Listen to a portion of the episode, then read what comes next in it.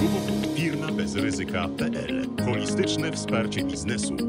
Mariański Group. Dzień dobry. Nazywam się Adam Mariański, jestem partnerem w Mariański Group. Zapraszam na nasz podcast Firma bez ryzyka. W dzisiejszym odcinku moim gościem jest pan mecenas Bartosz Rodak, adwokat, doradca podatkowy w Departamencie Prawnym. Dzień dobry. Dzień dobry. Chcielibyśmy porozmawiać o pałacyku, ale o pałacyku plus, czyli nie tylko tym, co teraz e, funkcjonuje w naszych przepisach, ale co będzie funkcjonowało również od przyszłego roku. Dlaczego ten temat?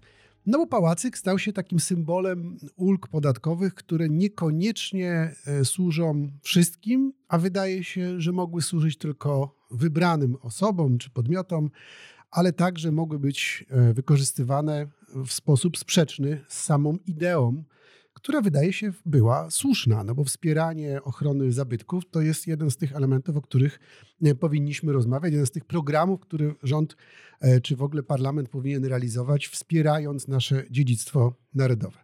No ale właśnie, jakie to były te przepisy, które wzbudziły takie wątpliwości w tym roku? Sama ulga została mm, obmyślona jako sposób e, wsparcia właśnie renowacji zabytków, bo tak naprawdę z tym jest głównie związana, e, która polegała na tym, że pewne wydatki można było odliczyć od podstawy obliczenia podatku dochodowego w podatku dochodowym od osób fizycznych, bo ulga adresowana jest tylko i wyłącznie do osób fizycznych, nie mogą z niej skorzystać spółki mm, będące podatnikami CIT-u.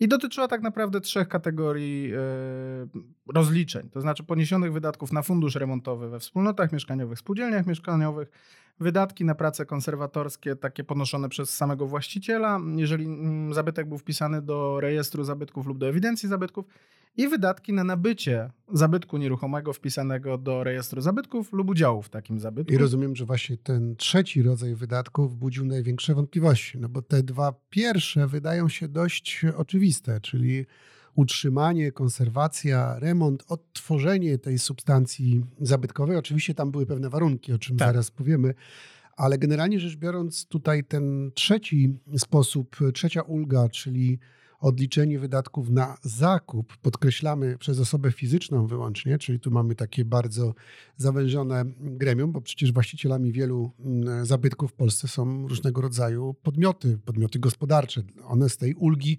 skorzystać nie mogły.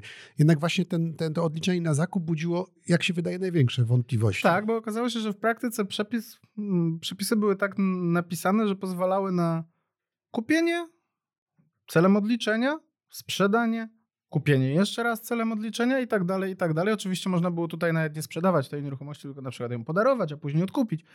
Oczywiście mamy przepisy dotyczące e, walki z czynnościami pozornymi, więc tutaj e, oczywiście klauzula o unikaniu opodatkowania czy inne mechanizmy miały zastosowanie, natomiast sama ulga pozwalała i były takie głosy właśnie, że można nieruchomość niejako kilka razy tą samą nieruchomość nabyć w ciągu roku, no bo ulgę mamy tak naprawdę od 2022, od 1 stycznia. Można byłoby ją kilka razy nabyć i skorzystać z odliczenia za każdym razem. No, a nawet jak nie kilka razy, to też nabycie i odliczenie wydatków remontowych zgodnie z tymi przepisami wymaga pewnego przygotowania, więc wydaje się, że tak naprawdę mógł skorzystać z tej ulgi ten, który albo bacznie obserwował prace, prace legislacyjne, albo był przygotowany, bo wiedział, że taka ulga będzie. Tak, jest taki, są takie głosy i śmie, śmieją się niektórzy doradcy, że to była ulga e, przycelowana pod kogoś, że ktoś po prostu miał do, do, do poniesienia wydatki, no ale nie wystarczyło, że będzie to rozliczone w ramach amortyzacji czy w ramach e, kosztów bieżących działalności gospodarczej, tylko że potrzebuje dodatkowo te wydatki e, rozliczyć, więc w formie ulgi. Mm, zresztą same zmiany w tej uldze, no już po roku mamy tak naprawdę ulgę poza tymi pierwszymi wydatkami, czyli wydatkami na fundusz remontowy, wspólnoty mieszkaniowe, spółdzielnie mieszkaniowe, bo tu się nie, w zasadzie nic nie zmieniło. Pozostałe dwa warunki, które są przewidziane, które uprawniały do skorzystania z ulgi, tak naprawdę zostały mocno zmienione. No, po pierwsze, zostało usunięte właśnie to nabycie. Mm, no właśnie, a ile tutaj mogliśmy skorzystać? Przy Nam tym... tak naprawdę byliśmy limitowani e, powierzchnią i kwotami e, wynikającymi z przelicznika ustawowego. Natomiast zawsze była to możliwość, tak już tam mm, dokonania tego rozliczenia. Wydatki kosztowe, jeżeli chodzi o te koszty bieżące, były bez limitu. Więc te remonty takie, y, czy to rozliczane właśnie jako koszty remontowe, czy później jako y, podnoszące wartość y, środka trwałego, były rozliczane bez limitu i to zostaje w dalszym ciągu. Aczkolwiek tutaj trzeba pamiętać, że chodzi o budynki wpisane i budowle wpisane do rejestru zabytków, bądź Tak. znajdujące się w ewidencji zabytków, a zatem w jednym i w drugim przypadku wymaga to odpowiedniego uzgodnienia z konserwatorem zabytków co do przeprowadzonych prac, bo to jest Tak, trochę w tym roku, inaczej. Tak, w tym, w tym roku mamy zarówno zabytki, y, które znajdują się w rejestrze zabytków, jak i te, które znajdują się w gminnych bądź wojewódzkich ewidencjach zabytków. I tutaj faktycznie musimy mieć te prace, które są uzgodnione. E, Natomiast od 2023 to się zmieni, mm, bo dotyczyć będzie tylko wydatki te remontowe, będą dotyczyć tylko mm, zabytków wpisanych do rejestru zabytków, a więc tylko tych objętych tą najściślejszą ochroną e, zabytków. I co więcej, tutaj zostaną podniesione mm, wymogi dotyczące tej ochrony, bo już nie będzie wystarczało, ta dokumentacja, którą będziemy musieli zgromadzić, będzie bardziej rozbudowana i tak naprawdę warunkiem koniecznym będzie zaakceptowanie zakresu prac wykonanych, a nie tylko planowanych przez odpowiedni e, organ nadzoru e, konserwatorskiego. No tak, ale to w tym, w tym momencie wylewamy dziecko z kąpielą, bo tak naprawdę ulga, która w pewnym zakresie, jak się wydaje, może pan mecenas ma inne zdanie, ale jak się wydaje, była bardzo pożądana, tak żeby chronić zabytki, jest w jakiś sposób limitowana i bardziej formalna. No bo warto zwrócić uwagę, że wiele zabytków, znajdujemy się na przykład teraz y, w mieście Łodzi, które słynie z fabryk, i większość tych fabryk jest wpisana do ewidencji zabytków, a nie do rejestru. To są wyjątkowe sytuacje, kiedy mamy mm, wpis do rejestru starych fabryk, pałaców, które tutaj fabrykanci również mieli. W związku z tym e, substancja, która jest, wymaga dużych nakładów odtworzeniowych, nawet jeżeli to jest tylko zabytek wpisany do ewidencji, na przykład stuletnia fabryczka, e, to koszt jej renowacji, odbudowy, przebudowy jest wielokrotnie wyższy niż postawienie nowego budynku, czy to mieszkalnego, czy budynku biurowego. W związku z tym to wspomożenie przez państwo wydawało się pożądane. A tu nagle mamy taki ping-pong. Z jednej strony duże możliwości, a z drugiej po roku jakieś krytyki, w drugą stronę ograniczenie. Czy to nie jest tak, że ustawodawca trochę się zawstydził, przestraszył tego, co zrobił? W ogóle przepisy o uldze są skonstruowane od nowego roku będą skonstruowane w sposób no, wysoce taki, ta jakość legislacji jest wysoce wadliwa, bo faktycznie teraz mamy wykluczenie mm, zabytków znajdujących się w ewi- ewidencji zabytków, jeżeli chodzi o prace konserwatorskie, restauratorskie, roboty budowlane, ale pozostawiono te zabytki, jeżeli chodzi o te wkłady do wspólnoty mieszkaniowej lub spółdzielni mieszkaniowej na fundusz e, remontowy. Tam może być zabytek w ewidencji zabytków i nie ma to problemu. Mm, Natomiast jeżeli sami jesteśmy właścicielem, nie robimy tego w ramach funduszu, to musimy mieć już konkretne, e, konkretny zabytek już wpisany do, e, do rejestru zabytków. Czyli najlepiej założyć spółdzielnię lub wspólnotę z tym zabytkiem po to, żeby można było w pełni odliczać sobie od Dokładnie, podatku no te jest- wydatki. Dokładnie. Co więcej, no właśnie mamy ten, e, kwestię tego, że te wydatki zostały w, znaczny sposób ograniczone w zasadzie po roku obowiązywania ulgi. No bo przepisy wesz, zostały przygotowane teraz, e, jeszcze przed wakacjami, wchodzą w życie od stycznia, a istota prac konserwatorskich, tych wszystkich prac e, związanych z nieruchomościami zabytkowymi pokazuje, i to pokazuje też nasza praktyka, to nie są prace na rok, to są prace na lata. No właśnie, a E, mamy tu jakieś przepisy przejściowe? Przepis przejściowy mówi, że wydatek poniesiony w tym roku, w 2022 roku, będzie rozliczany na zasadach dotychczasowych. Ale to jest tylko wydatek poniesiony. Jeżeli mamy zaplanowane jakieś wydatki, no to no mówiąc wprost, No musimy się bardzo śpieszyć. To, to ochrona praw nabytych. Przecież za czym ja sporządzę projekt, za czym uzgodnię, za czym przygotuję, znajdę wykonawcę, w Tak, szczególnie, że grudniu muszę- mogę rozpocząć. Szczególnie, że tak? muszę to wszystko robić e, z konserwatorem zabytków. Tak? Nawet niech to będzie gminny czy wojewódzki, e, to i tak trzeba się z nim konsultować, te zalecenia konserwatorskie mieć. E, No i nagle się okazuje, że jeżeli się do grudnia nie wyrobimy, to tak naprawdę nam te, mm, ta ulga e, przepada. Oczywiście no, zostaje możliwość rozliczenia tego w kosztach bieżących czy, czy poprzez odpisy amortyzacyjne, ale jednak ja planowa, planu, planuję to na przykład, nie wiem, w marcu i nagle się okazuje, że zostaje tego pozbawiony.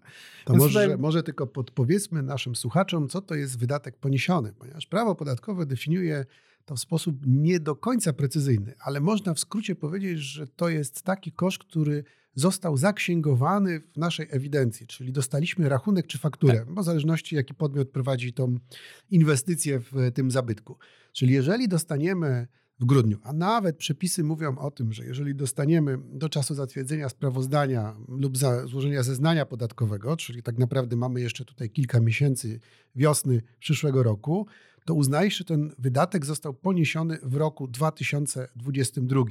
Więc jak ktoś by chciał jeszcze skorzystać z tych wydatków remontowych w szerszym zakresie, to powinien się pośpieszyć tak, żeby od wykonawcy dostać te dokumenty najlepiej w tym roku, a najpóźniej, tak jak mówimy, do czasu złożenia zeznania podatkowego i to zeznanie najlepiej złożyć jak najpóźniej.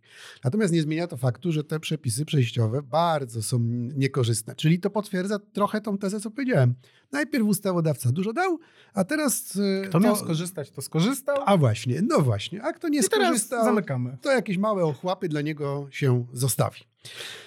E, no dobrze, to w takim razie, jeżeli nie będziemy mieć prawa do tej e, ulgi, bo nie spełnimy tych kryteriów chociażby formalnych, to czy są jeszcze jakieś inne programy wsparcia dla zabytków? E, są pewne możliwości, o których podatnicy czasami zapominają, czasami nie są ich świadomi. Jedną z nich jest na pewno zindywidualizowana stawka amortyzacji dla starych budynków, tych, które w działalności gospodarczej były wykorzystywane, bo tam jest możliwość korzystania z amortyzacji przyspieszonej według stawki tak naprawdę maksymalnie 10% w skali roku, co, co jest na pewno pewnym przywilejem.